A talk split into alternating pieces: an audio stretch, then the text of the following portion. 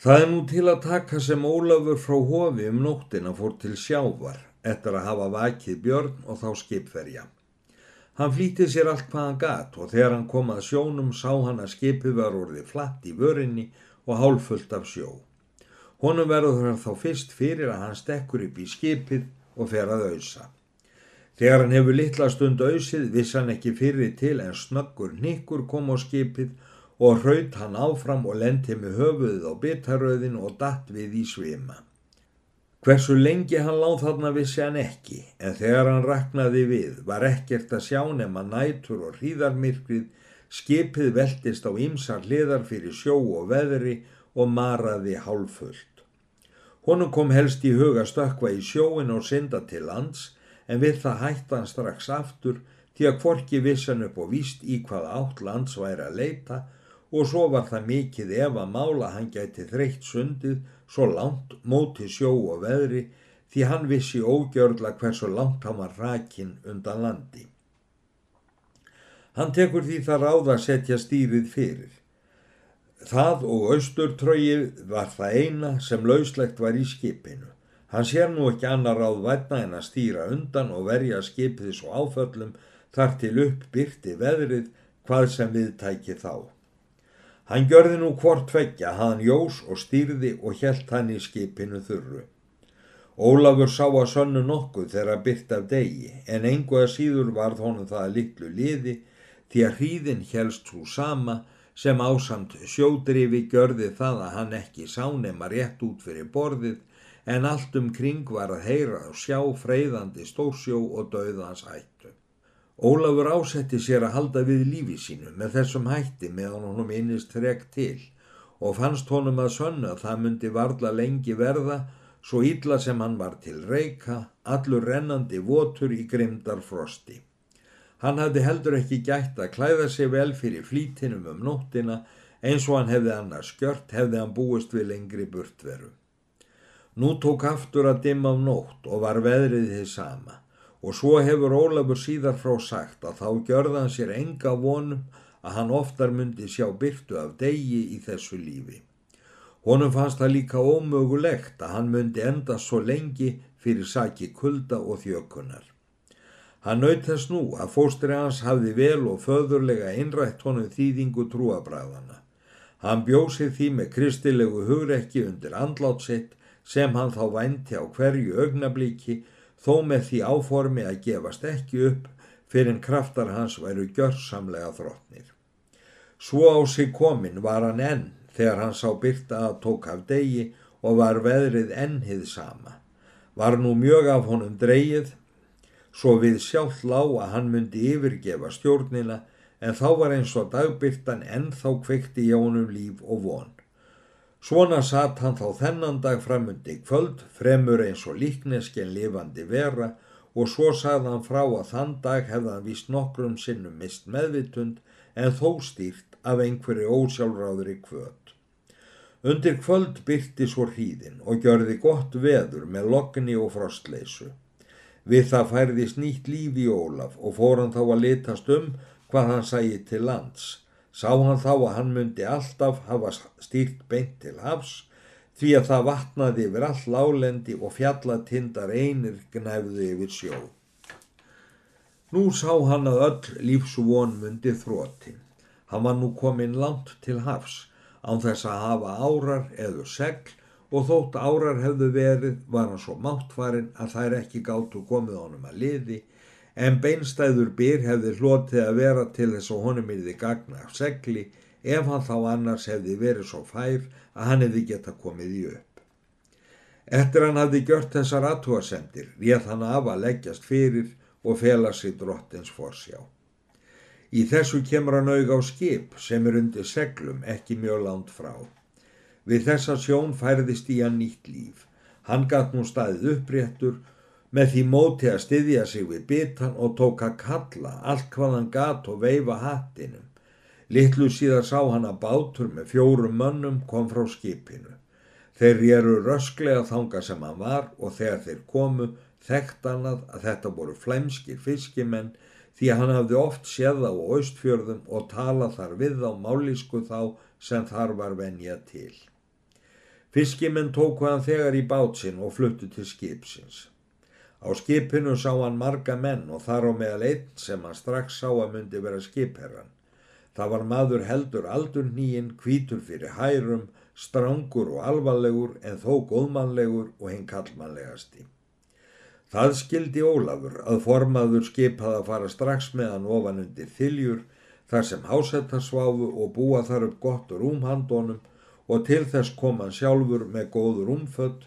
Þetta var gjört og var Ólafur þá svo að magþróta að tveir urða styðja nofan og afklæðan. Eftir það kom skipher og gaf honum inn einhver meðul sem Ólafur ekki þekkti og fannst honum sem nokkurt líf og afl færðist um sig við það.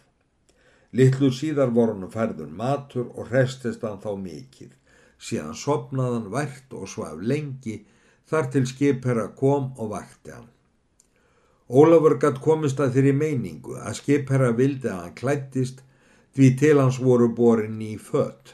Hann klættist því og kom upp á þiljur en svo var hann óstyrkur enn að ekki gatt hann staðið stuðningslaust. Allir síndust honu þeir skipferjar vilja hlinna að sér.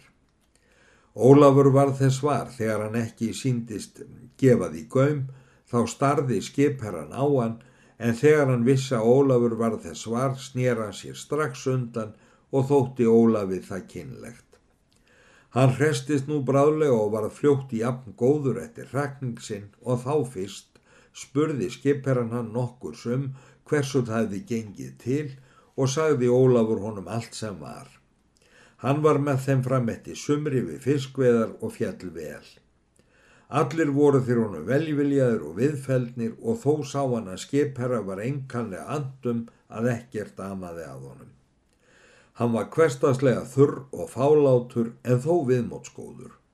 Þegar hann skipaði fyrir verkum var það með svo tegnalegri alvöru að engum datt annað í hugan hlýðónum undir eins og þótti Ólafi aðfarir hans ekki ólíkar þeirri hugmynd sem hann hafði eftir afspurn hafði gjört sér um aðfarir yfir hermanna og það var hann samfarður um að hlýðni hásetta var sprottina virðingu en ekki óta.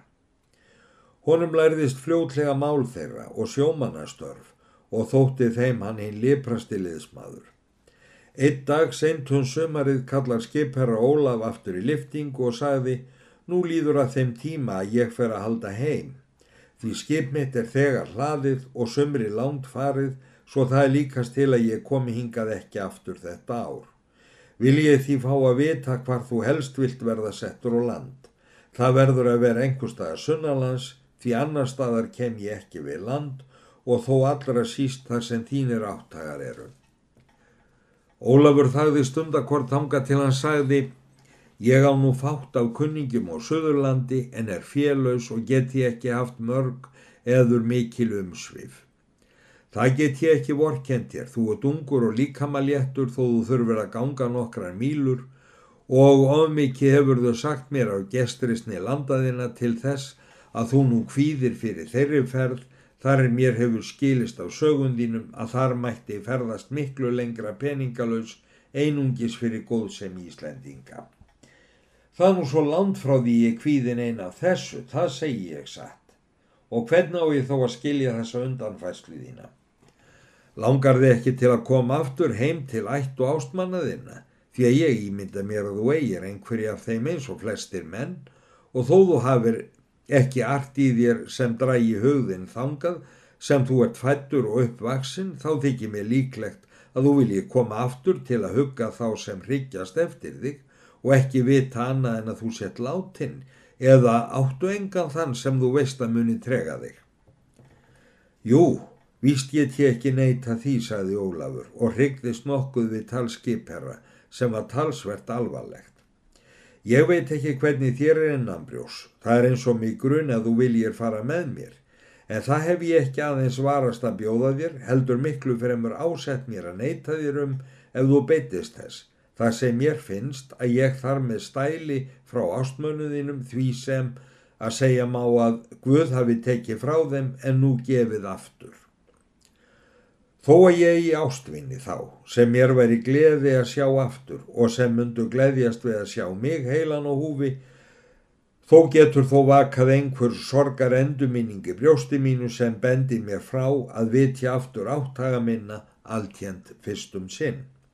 Og það hef ég að sönnu aldrei kvartað og ætla mér aldrei að kvarta við neitt, þótt ég nú látiður merkja það vegna þess að það er orsök þess að ég ætla mér að byggja yður um að þurfa ekki að skilja við yður svo fljótlega.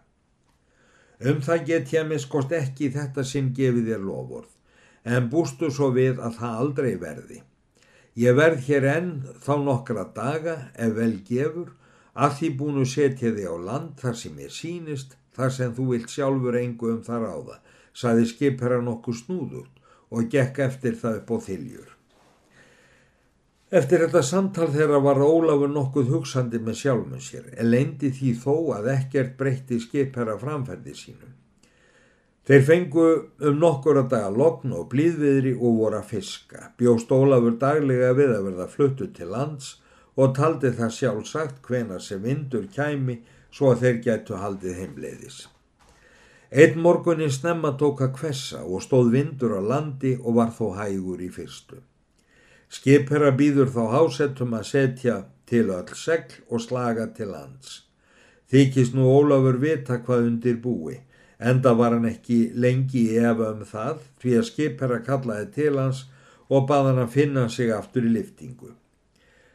Þegar Ólafur kom þar segir skipherra, farðu nú Óli og búðu þig því að nú lætt ég flytja þig til lands þegar mér þykir ekki á land að láta róa með þig. Ég hef nú ítalega yfirvega það að ég ekki vil gjöra mig sekan í mannráni hér við land og þar með ala harma þeirra sem huggast eiga og huggast geta. Ég geldi þér sömarkaup og getur þá ekki borið fyrir félagsinni við að koma heim og född gef ég þér svo mikil að þú þart ekki að eida því litla skotsilfri sem ég fæð þér til að kaupa klæðinað fyrir, þanga til þú kemur heim. Hann færir honum þá fataböggul og peningasjóð. Ólafur stóð upp og vildi þakkonum en hann hvað þess enga þörf og sagði að þá er ekki tími til að tefja lengur, skaltu nú upp á þiljur og veri við búin því að bráðum læt hér róa með þig. Þegar þeir kom upp sjá þeir að veðrið hefur vaksið og lítur út fyrir að vaksi meira. Það líður heldur ekki á laungu áður en ofsaveður berstur á, svo fellam á segl og leggja til drifs. Littlu eftir að veðrið brast á vildi svo til að slitnaði laus seglrá einn og sló einn hásettan svo hann raut fyrir borð. Skipherra var niðri og sá ekki atbyrðin og kölluð þeir til hans og sáðu hvað um var að vera. Ólafur var nærri stattur þegar maðurinn raut út. Hann flegði af sér yfirhöfninni og steifti sér á eftir honum, hann eitti sunds og gati tekið hann í því að hann var að sökva og hjælt honum svo uppi meðan hinnir hjugg á bátsfestar og skutt honum út. Skipera fór sjálfur í bátinn og fjórir aðrir. Þeir gáfu bátinn út á streng og komust þar sem þeir Ólafur voru og í því bili kom sjór og sló bátnum á Ólaf svo auksling ekkur liði á þeim handlegnum sem hann ekki hjælt manninu með og þá náði skipherran í þá. Þeir innbyrðað á þegar og eru svo dregni til skipsins og upp á þiljur. Skipherra sagði hásettum að taka þann sem fyrir borðatt og hjúkrónun sem best en sjálfur fór hann með Ólaf aftur á skipið. Skipherra risti föttin af handlegnum sem úr liði var gengin og gatt eftir það fljótlega kift í liðin. Síðan batt hann og bjó um eftir sem honum síndist. Sjálfur afklætti hann Ólaf og reyti upp rúm handonum hjá sínu eigin og skildi Ólafur að hann myndi ekki trúa öðrum fyrir því að gæta sín á meðan hann var veikur. Ólafur bara ætið á sér silfurgrindina þá sem fóstir hans hafi gefið honum að skilnaði og sem áður er getið en þegar skipherra klætti hann úr skiptunni kom hann auðg á grindin og sagði Hér hefur þau einhvern menjagrip og er best að ég geimi á meðan þú ekki getur verið á fótum. Hann smegði þá festinu upp að höfðin á honum og leitt á grindina og sá Ólafur á honum brá mjög. Hann var þýmist blóðröður eða náfölur og að síðustu hrukku honum tára augum. Þannig hafði Ólafur aldrei séð honum bregða fyrr og þótti mjög undarlegt, en ekki þorðan að spurja hvað til kæmi og engin orð hafði skipherranum. Hann læsti grindina niður og tók aftur sinn vanalega og fyrri alvöru svip.